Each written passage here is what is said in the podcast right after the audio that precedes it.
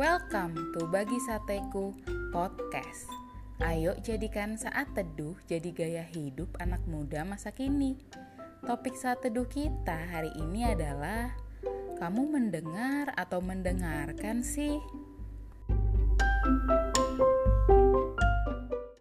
Sahabat sateku, ayo kita buka Alkitab kita di Lukas 10 ayat 39 yang berbunyi, Perempuan itu mempunyai seorang saudara yang bernama Maria. Maria ini duduk dekat kaki Tuhan dan terus mendengarkan perkataannya. Pasti banyak dari antara kita yang kalau lagi ada masalah pasti pengennya curhat dan didengarkan. Bukan cuma didengar aja loh, bener nggak? Lah, terus bedanya apa sih mendengar dan mendengarkan? Mendengar dalam kamus KBBI artinya adalah dapat menangkap suara atau bunyi dengan telinga. Sedangkan mendengarkan dalam kamus KBBI artinya adalah mendengar akan sesuatu dengan sungguh-sungguh, melibatkan usaha untuk memahami informasi itu sebaik mungkin. Nah, jelaskan bedanya? Ketika mendengarkan, orang berkonsentrasi dan berfokus pada informasi yang disampaikan sehingga tertanam dalam hati dan pikiran. Makanya, firman Tuhan itu sangat indah dan sempurna sekali dalam penulisannya. Dalam ayat sate hari ini, Maria dan Marta ternyata memiliki respon yang berbeda loh terhadap perkataan Yesus. Kehadiran Yesus di rumah mereka mendatangkan sukacita bagi kedua perempuan ini di ayat 39 dikatakan Maria menetapkan hati untuk duduk dekat kaki Yesus dan mendengarkan perkataannya. Sementara itu di ayat 40 dikatakan Marta sibuk melayani Yesus dan mungkin sambil sesekali mendengar perkataannya.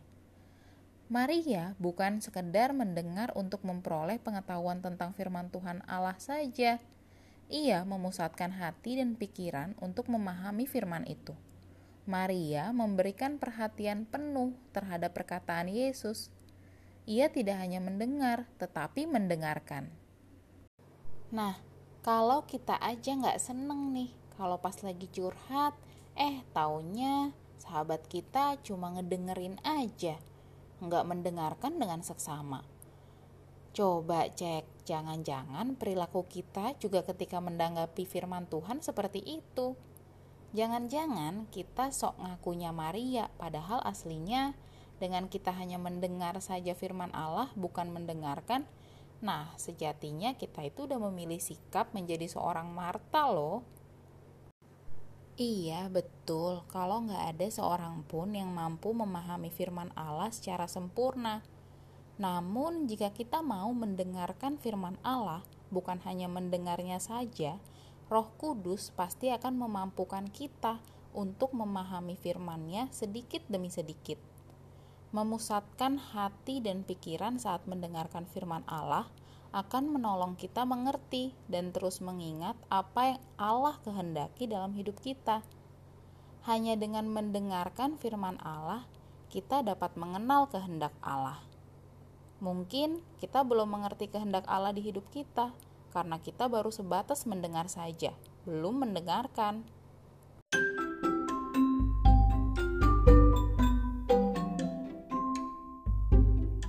Oke deh sahabat sateku, tetap semangat ya saat teduh setiap harinya.